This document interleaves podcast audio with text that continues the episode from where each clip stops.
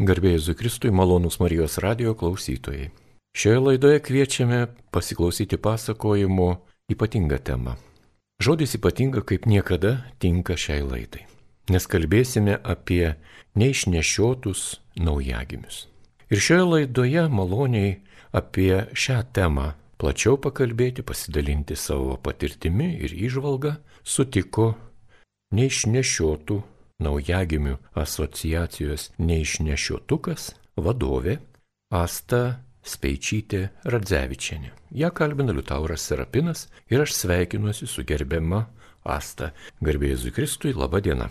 Labą dieną. Taigi tema tikrai nedažna, o ypatingai Marijos radijoje ši tema liečiama yra ypatingai retai. Nuo ko reikėtų pradėti pasakoti, kai kalbame apie kūdikėlius, kurie yra neišnešioti. Tikrai jūs esate teisus, nes šita tema yra nematoma. Ir apie nematomus kalbėti iš tiesų yra labai sunku, nes kiekvienoje galvoje, na, savaip įsivaizduoja apie savas patirtis, kaip tai galėtų atrodyti.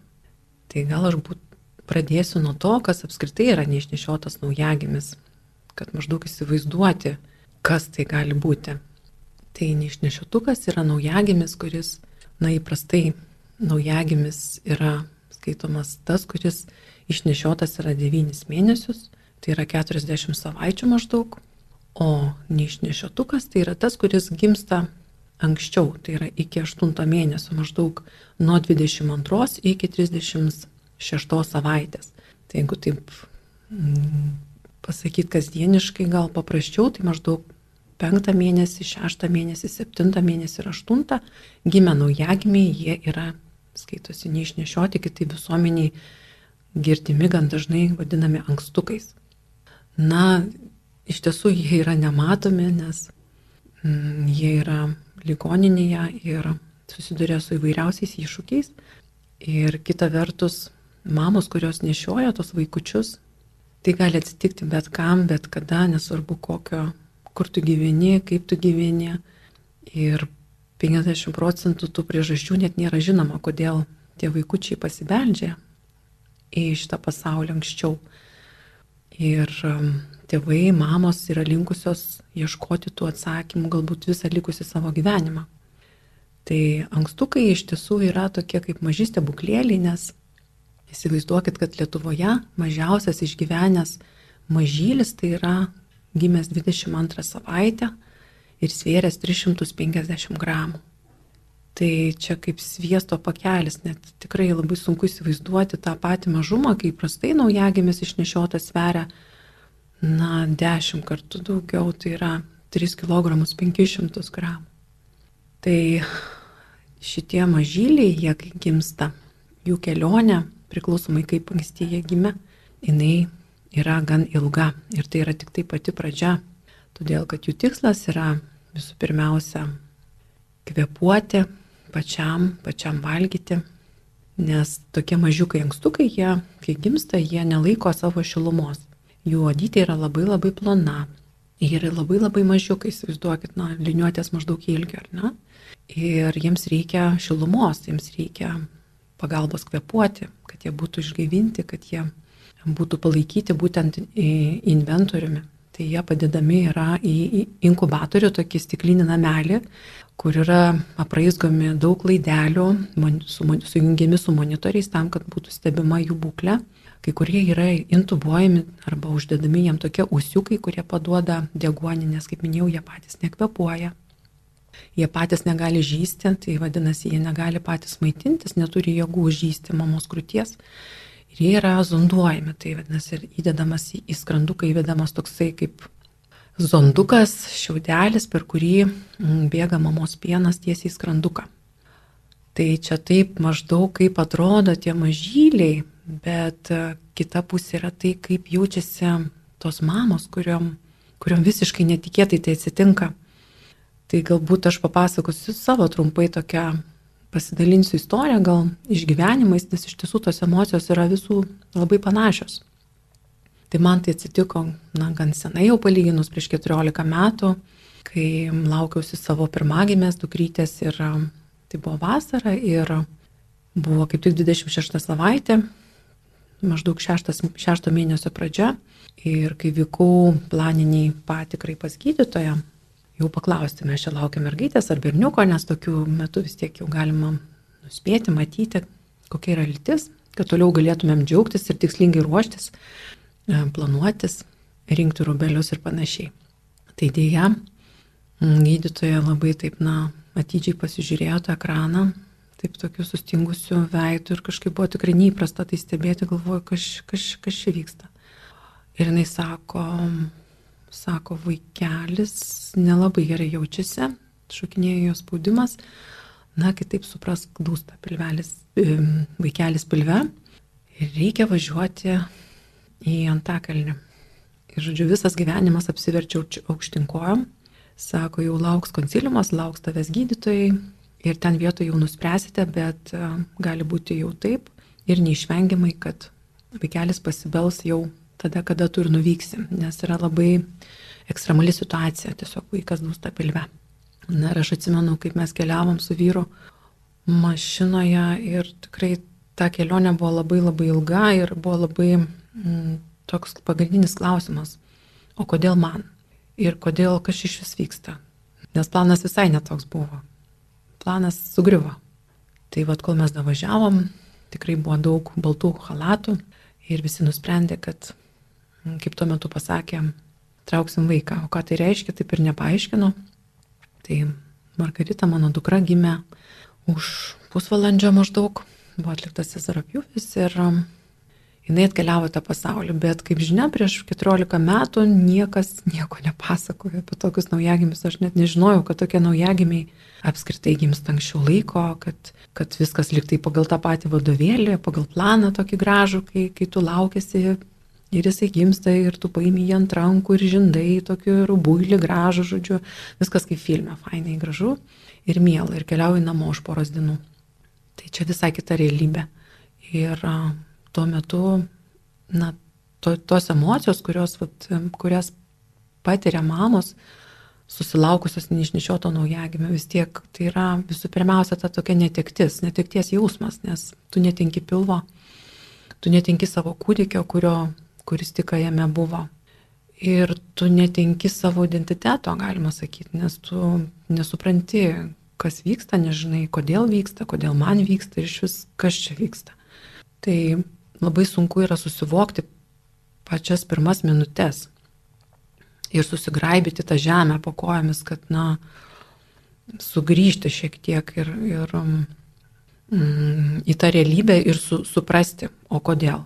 Tai tuo metu, aišku, dar ta tema nebuvo vystoma tiek daug visuomeniai ir nas daugytojas tikrai ir gydytojai nieko nežadėjo, nes vaikas vėrė 960 gramų ir aišku, aš jos nemačiau, Tai nebuvo tas planas, kad vaikelis gimsta ir iškart jisai keliauja krūtinės.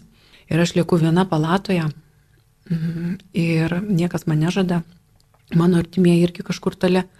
Ir tas toksai beviltiškumas, tokia, na, atsiskyrimo vienatės jausmas, nu, jis turbūt pas baisiausias yra.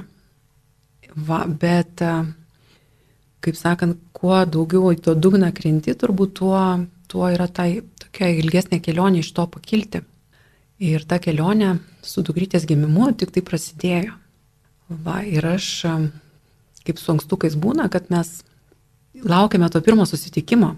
Tai tas pirmas susitikimas yra vėlgi tokia kaip iš fantastikos pasaulio, turbūt tu negali suprasti, įsivaizduoti, kur tas tavo vaikas yra, kaip atrodo ta aplinka, kurioje jisai yra ir kokia pagalba jam yra suteikiama.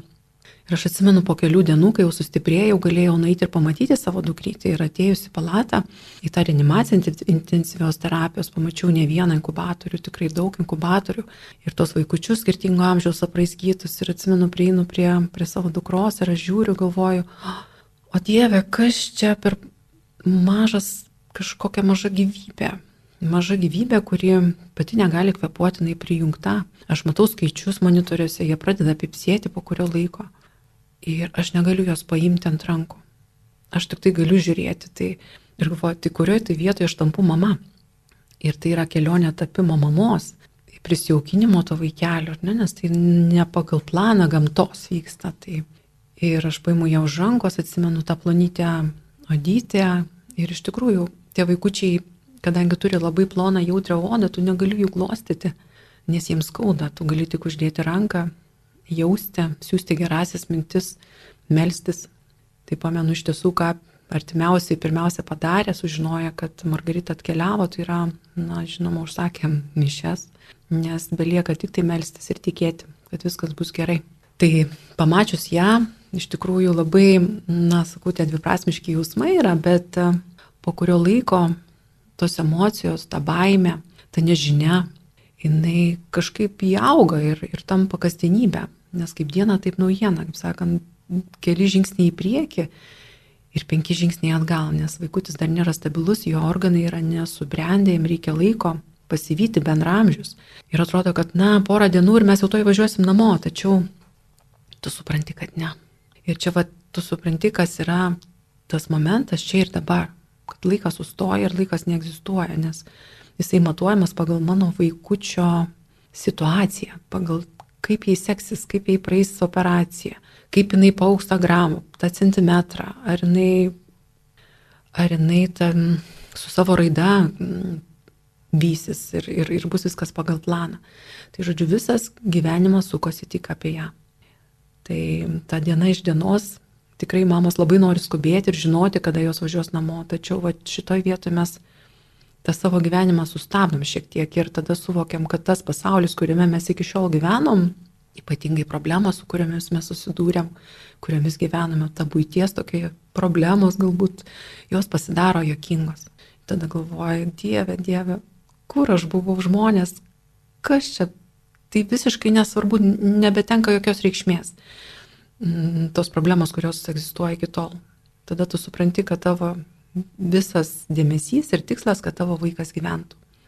Tai ta, ta kelionė toliau, kada paėmimas ant rankų buvo maždaug po trijų savaičių, tai įsivaizduokit, kada natūraliai gamtoje mama turi nuo pat pirmų dienų priimti savo vaikelį, užmėgsti tą ryšį, pajausti tą kvapą, žindyti, ar ne, nuo pat pirmų sekundžių ir tai yra be galo svarbu, nes galbūt nuo to ryšio ir iš tikrųjų priklauso vaiko likusio gyvenimo apskritai tas jautrumas, tas odos jautrumas viskam, ryšys su tėvais. Ir iš tikrųjų taip yra, net mokslo yra įrodyta, kad oda prie odos kontaktas turi didžiulę reikšmę žmogaus gyvenime. Ir tikrai galime pasakyti, na, kur žmogus yra nuo pat pirmųjų dienų žindytas, išmylėtas ir turėjęs tą dėmesį su mama ir tą ryšį. Ir kada patyręs labai daug skausmo ar, ar operacijų ir vėtytas, mėtytas, kaip sakant. Tai tikrai yra tame skirtumas ir didžiulė reikšmė. Tai jeigu taip asmeniškai dar pasidalinti, kad aš praleidau su Margarita ligonė 107 dienas. Tai yra daugiau negu 3 mėnesiai ir tai yra maždaug panašiai, kaip jinai būtų planavusi gimti laiku. Tai va tuos tris mėnesius, kada gimė anksčiau, tai mes tuos tris mėnesius praleidom ligoninėje ir ta, tie žmonės tapo labai labai artimi kaip šeima. Ir dar grįžus namo, iš tiesų galvoju, kad nebuvo niekada tos bendruomenės ir tų žmonių, ką tu gali atsiremti. Nes tuo metu dar tas internetas, tik tai, na, Facebookas atsirado ir socialinė medija, ar ne, bet toje nebuvo jokios žinutės apie tai. Ten buvo galbūt keletą istorijų verstinių iš užsienio, bet nebuvo daugiau nieko, į ką tu gali atsiremti. O tas atsiremimas į kito istoriją, į tą, na, kaip sakant, gerą žodį, apsikabinimą, jis yra be galo svarbus. Ir grįžus namo, pamenu, mm, visada sukosi mano galvoje mm, ta tokia pagalba žmogui, nes aš per tas 707 dienas tikrai prisižiūrėjau nemažai mamų, kaip sakant, ir, ir susidraugavom, ir susipažinom, ir ten kalbėdavom, atsimenu, vis tiek ten yra tokia situacija, kada mamos patyrė, paty, patiria didžiulį šoką, ar ne, ir kai vaikutis sustiprėja, joms jas apgyvendina palatoje su vaikučiu inkubatoriuje, tačiau tas vaikutis gali pamiršti kvepuoti, tai vadinasi, jam atsiranda apnėjos, tu turi šokti vidurį nakties, jį žadinti, kad jisai prisimintų, kaip yra kvepuoti, tada maitinti kas 3 valandas, traukti skrutinę pieno kas 3 valandas. Žodžiu, ten yra, na, toksai kaip avilys ir tu tokia kaip bitė, reiškia, tau niekada nebus ramu. Ir mes dabar turim rankstukų pagalbos liniją, tikrai mamos skambina ir, ir, ir guodžiasi, nes nu, tikrai tas stogas lekia nuo tos kasdienybės, nuo tos rutinos. kai tu užsisuki, atrodo kaip ir turėtų būti ramu, nes yra šalia gydytojai, tačiau ta trauma jinai patirta sukuria labai tokios daug nerimasties ir neramaus miego, nes tu pastovi turi būdėti. Tai va, bet ta mintis sukosi, kad, na, reikia steigti kažkokią bendruomenę, kažkur, kur žmonės galėtų burtis. Nes vis tiek ankstukai gimė visais laikais. Ir aš pamenu, 2012 metais mes su bendražygiam savo tikrai nuostabiom mamom e, subūrėm tą mūsų komandą ir sakom, na, kuriam, darom. Ir va šiais metais minėjom 10 metų, kada organizacija jau minė. Ir aš atsimenu, kai mes įsteigėm tą asociaciją ir padarėm pirmą renginį bendruomenės, pradėjo skambinti iš visos Lietuvos. Iš visos Lietuvos žmonės, kurie yra įvairiausio amžiaus, tai yra jau seneliai, tėvai, kurie augina suaugusius, neišnešiotukus, žodžiu, dalinti, sakyti, o Dieve, sako, kaip gerai, kad pagaliau yra bendruomenė, kad pagaliau mes esame ne vieni, nes įsivaizduokit, manęs dabar turbūt klauso įvairaus amžiaus žmonės ir, ir, ir vyresnio amžiaus žmonės, kurie turėjo patirtį prieš daug metų. Ir kada, na, kaip būdavo turbūt gimsta ar ne, ir, ir kaip mes tos vaikučius galim išsaugoti, iššildyti, iš, išmyluoti kažkur, nežinau, iškenguruoti. Tuo metu nebuvo tokių galimybių, kokias mes turime medicininės šiais laikais. Tai tikrai manęs klauso žmonės skirtingų kartų su skirtingom patirtim. Ir tikrai jūs esate ne vieni, mūsų iš tiesų yra labai daug. Bet, kaip žinia, vis tiek tų stereotipų būta iki šių laikų ir labai labai daug ir dar dabar turim tam tikrų stigmų, kas yra neišnešiotas naujagimis, kai tai yra kažkoks tai, nežinau, nepilnavertis dalykas ir panašiai, na kokia tu mama, kad pas tave taip vyksta. Ir ypatingai regionuose, mažuose kaimeliuose susilaukiama būdavo, na, pirštais badydavo, ne, kokia mama, kad tai viskas vyksta. Tai iš tiesų jūs esat ne vieni, mes esam ne vieni, mūsų yra labai labai daug. Ir iš tiesų garsieji pasaulio ankstukai, Vėlgi, kas galbūt ir guodžia tą pačią bendruomenę, manyti, kad ankstukas tai yra ne kažkoks trūkumas, bet kaip tik privalumas. Todėl, kad didieji pasaulio ankstukai žymieji, be kurių neegzistuotų pasaulis toks, koks yra dabar, tai yra Edisonas, tai yra Čerčilis, tai yra Newtonas, Napoleonas, Picasso, Pavlova balerina. Ar ne, tai va tie grandai, kurie iš tikrųjų buvo keistoki, Einšteinas, jie buvo keistoki, bet jie kūrė pasaulį ir jie davė pasauliui, na, tas, tas Dievo dovanas, ar ne, kada realizavo, materializavo, kurio, kuriomis mes galime naudotis dabar. Tai mes ir turėjome parodą tokią keliavom per Lietuvą, gimė su genijų žymė ir tiesiog pažymėjom tą genialumą ankstuko, kaip tik kėlėme tą dvasę ir, ir išskirtinumą, nes ankstukai jie iš tiesų turi labai daug sveikatos iššūkių. Vėlgi, kaip anksti tu gimsti, nes šiais laikais mes galim išsaugoti gyvybę. Ir labai labai mažo, kaip minėjau, 320-50 gramų, tačiau, na, vis tiek jo laukia dideli, gali laukti dideli iššūkiai gyvenime, jis gali turėti cerebrinį, cerebrinį paralyžių, gali turėti ir klausos, ir regos iššūkių, gali būti, na, ta raida šiek tiek atsilikti ir negali būti emocinių gali būti ir autizmo spektro sutrikimų. Žodžiu, visa puokštė, nes vis tiek vaikutis yra neišsivystęs ir jam reikia daug, daug to laiko ir pagalbos. Ir ne visada, aišku, anksčiau būdavo medicininių tų galimybių išsaugoti tą vaikelį. Tikrai pilnavertiškai, galbūt taip, na, sveika. Tai va, tai ta bendruomenė, jinai atsirado prieš dešimt metų ir tikrai labai džiaugiuosi, nes tuo metu tikrai buvo baisu išeiti, atrodo, kad kuri ir nežinai ką kuri, bet vat, matytas Dievas veda. Ir tas tikėjimas, ta viltis kažkaip tai ir, ir tie renginiai, matyti renginių metu tuos žmonės, jų akis, kurie supranta, kad tu esi ne vienas, tu atini, tu daliniesi tuo to patyrimu ir kartais net nereikia žodžių, užtenka tik, na, apsikabinimo, ar atrodo jau ašaros bėga, tu supranti, kad tu ne vienas, kad tu tikrai turi tą užuovėją, paguodą ir tie patys gydytojai, ar ne, vat, tie, kurie galbūt nieko gero nežadėjo, kad iš to vaiko kažkas išauks, nes jie negali tiesiog to daryti, ne, kad nesuteiktų vilčių ir mamai tai yra, aišku, didžiulė tragedija, tačiau, sakant, neįkainojamas dėkingumas jiems ir jų rankoms tai yra parodyti tą vaikelį, atvesti jį, pakviesti bendrus renginius ir tai yra didžiausia padėka gydytojai ir slaugytojai, kada jie mato jį gyvą, guvų, gražų, ar ne, kaip ir sako, vat, Sako, vat, pasisveikina būna ir gatvėje su gydytojais, e, tėvai dėkoja, ar ten kokie vaikučiai sako, va, lankau baletą, pažiūrėkit mano va, kojytės, reiškia, kokios vykrės, kurios galbūt ten buvo visai prastos prognozės. Tai, tai yra didžiausia padėka gydytojams. Už jų tą darbą atsidavimą mes ko nematom, tai yra tokio kropštumo, tai yra mikro kropštumo darbas. Na ir tos operacijos, įsivaizduokit, 800-500 gramų vaikučio atliekamos yra, ne, kada ten reikia atvirą arterinį lataką užverti ten per šoniuką. Tai yra taip mikro, tai yra taip nerealu ir tai yra toks didžiulis stebuklas iš tiesų, iš, išauginti tą vaiką. Tai va ta bendruomenė mūsų iš tiesų palaiko vieną kitą, yra pasakysiu, kas va, turi socialinius tinklus, mes turime neišnešiotų naujagimio asociaciją, neišnešiotukas, tai neišnešiotukas yra puslapis Facebook'e ir Instagram'e neišnešiotukas. Turime uždarą e, Facebook'o grupę neišnešiotukai, kur renkasi anksčiau laiko gimusių šeimos, ten mes daliname savo istoriją, palaikome vieną kitą labai stipriai ir tai yra labai svarbu.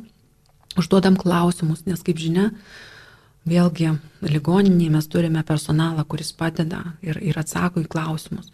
Tačiau yra kitas etapas, kada po ilgo laiko tevelis su savo tuo ankstuku, kuris iš, išaugintas, iš, iš, kaip sakant, iš to gramo, iš, iš to centimetro, e, maždaug apie dviejų kilogramų, grįžta namo ir prasideda viskas vėl iš naujo, tu lieki vienas su savo vaiku ir atrodo, ką dabar man daryti, kaip čia man toliau, kaip jisai čia auks, kaip jisai čia laiku viską darys kaip jisai valgys ir panašiai.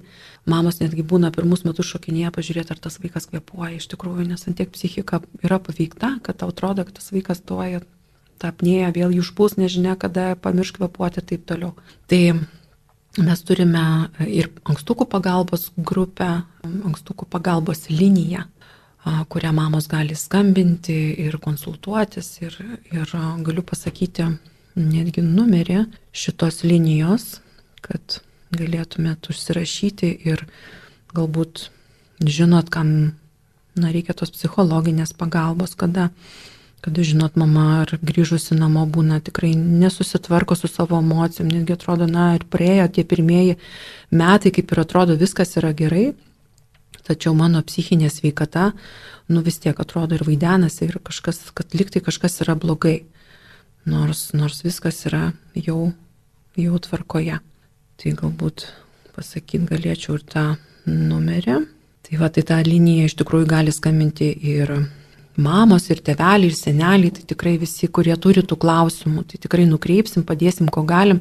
Ir pas mus darbuojasi ir psichologų komanda, kuri turi tą konsultaciją ilgalaikiai perspektyvai, nes neužtenka būna vien tik vieno pokalbio, kurį suteikia savanoriai. Tai mes tikrai rekomenduojam pasinaudoti psichologo pagalbą. Tai numeris yra Ankstukų pagalbos linijos 8612 03 800. 8612 03 800. Tai tikrai, kam reikia pagalbos, perduokite. Va, tai dabar mm, pastarieji, pastarosios gal tokios mūsų, tarkim, kaip bendruomenės pasiekimai, gal tai pasakysiu, tai labai džiaugiuosi, kad pastarosius aštuonis metus visuomenėje iš tikrųjų ankstukų pagalbos formuojame tą ankstukų kaip pasakyti, stereotipus, gal tokius iššūkius, ar ne, kad neišnešiotas, tai skaitosi kaip tas tokia neįgėmybė, gal tokia ne, tai mes sukūrėme būtent visuomeniai skirtą pavadinimą ankstukai, tai yra paramos projektas, projektas ankstukai, kuris būtent padeda šitom šeimom ligoninė, ligoninėm atnaujinti inventorių. E, suteikiam ankstukų šeimos kraitelį kiekvienai šeimai, kurioje yra ir sauskelnes, ir knygelė, ir rubelė, žodžiu, vis, visos reikalingos pirmajai pagalbai priemonės. Taipogi ligoniniam perkam inventorių. Mes aprūpinam didžiasias Lietuvos ligoninėse, kuriuose rūp, rūpinasi būtent augina tos ankstukus. Labai padedam tiems gydytojams, na juos palaikom ir visokiais renginiais. Ir vis klausom, ko vis trūksta, ko reikia. Taip pat ir, ir, ir, ir inventorius, ir kenguravimo kėdės, ir medikamentai, žodžiu, visokie ir taip toliau. Tai tas yra labai svarbu palaikyti ankstukus, nes, taip sakom, kokią investiciją padarysim į tuos mažiausius naujagimius, tokią mes turėsime ir tą suaugusi pilnavertį žmogų, nes vis tiek, kuo, kaip sakant, tas veikatinimas yra kokybiškesnė, tuo žmogus vėlgi jisai labiau gali būti sveikesnis, koncentruoti dėmesį, kaip sakyt, būti tas žmogus, kuris taipogi augina tą Lietuvą. Tai ir taipogi dar yra daromi įvairiausi skirtingi projektai, tai va mūsų paskutinis projektas, galbūt jau matėte ir per televizorių, mes Lietuvą atvežėm tokį naują, naują inovaciją pasaulyje. kurią labai labai džiaugiamės. Aš pati pamačiau tą inovaciją prieš penkis metus vienoje konferencijoje. Tai yra inovatyvus simulatorius ankstuko muliažo, tokio ankstuko simulatorius, kaip manikenas galima sakyti.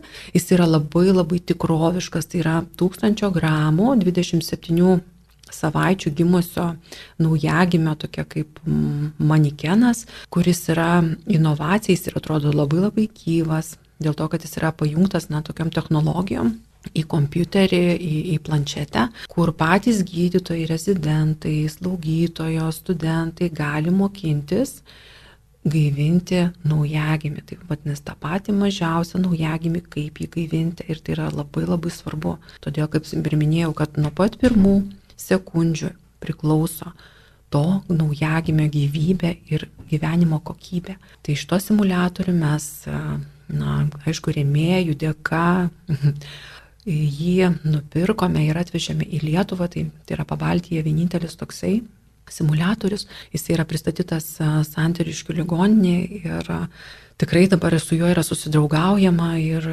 ir bus pristatyta, bus, bus mokamas personalas, e, kaip tai kokybiškai daryti. Nes kita vertus, kaip sakau, Lietuva nėra 2,5 miesto, ne, kur auginami yra ankstukai didžiosiuose miestuose, jau tikrai patys mažiausi, ekstremaliausi nuo 22 savaitės. Ten gimė ir 300, 400 ir 500 gramų. Tie patys mažiausi yra vežami vis tiek į didžiuosius miestus, į Santaros klinikas ir Kauno klinikas. Bet taipogi yra ir Klaipėda, ir panevežys, ir šiauliai, ten yra e, gydomi ir auginami šiek tiek didesni naujagimiai, maždaug nuo 32-34 savaitės. Bet kaip aš sakau, tai yra kaimai, kaimeliai ir tai gali atsitikti bet kur.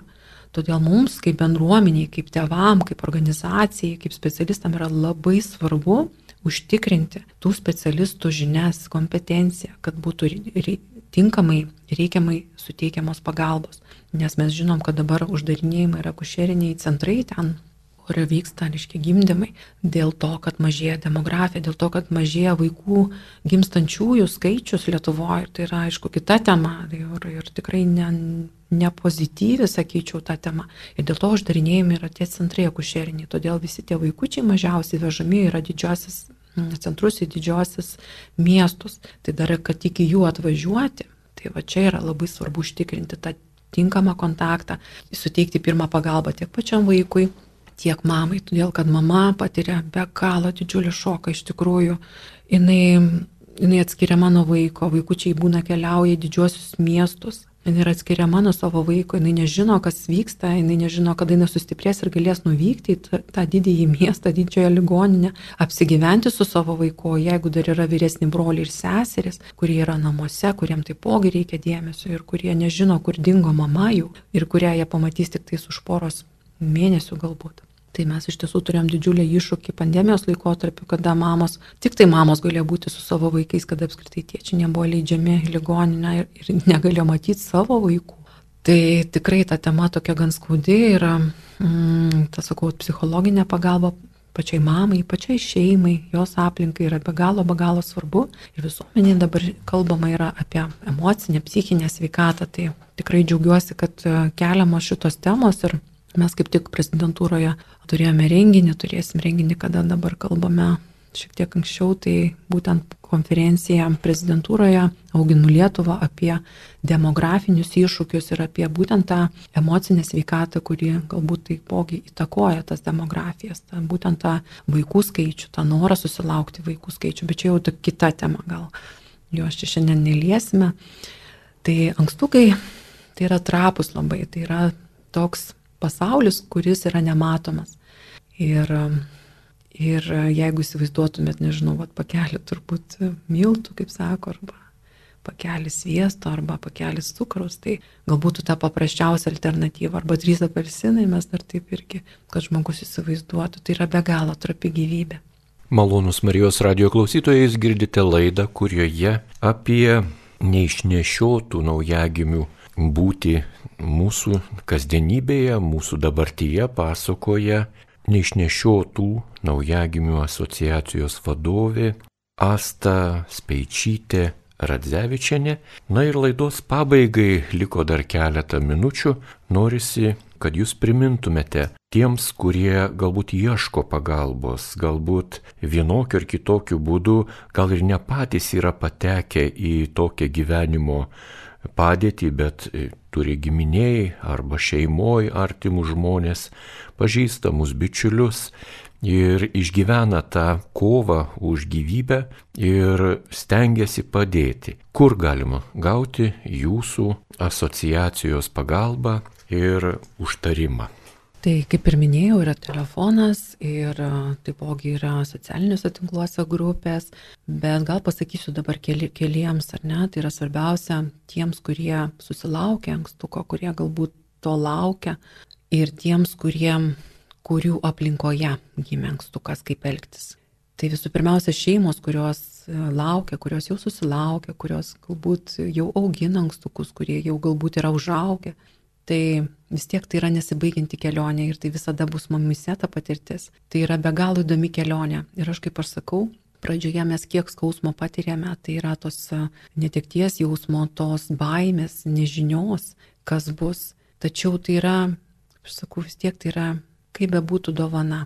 Dovana didžiulė patirti tas emocijas, įvardinti jas, patirti jas pilnai, išgyventi jas pilnai nes, na nežinau, kas dar galėtų patirti tokias na, emocijas, kur tu nuo meilės begalinės, besalgiškos iki, iki tokių ne pačių geriausių emocijų išgyveni ir tai gyveni ilgai, lietai, tu jas gali įvardinti. Tai priimkite tai kaip dovana, kuri kelionėje jums iš tikrųjų išsipakuos ir jūs rasite tą kelią į save, suprasite, kas jūs esate, kodėl galbūt jums tai atsitiko. Bet pradžiai žinokite, kad jūs esate ne vieni kad yra tikrai daug šeimų, kurios dalinasi savo istoriją, kurios mes dabar girdim jau kalbą ir viešai. Ir ta kelionė pradžioje, kuri atrodo labai sulėtėjus ir atrodo niekada jinai nesibaigs, tai jinai, žinokite, tikrai bus lengvesnė. Tik pati pradžia, jinai yra tokia gan sudėtinga, bet jūs esat ne vieni. Yra tos rankos, kurios jums padeda. Tai po truputėlį keliaukit, ieškokit pagalbos, klausinėkit gydytojų. Ir tikrai po truputėlį, po truputėlį, ypač grįžus namo jau tartų savų sienų, tikrai jos gydo.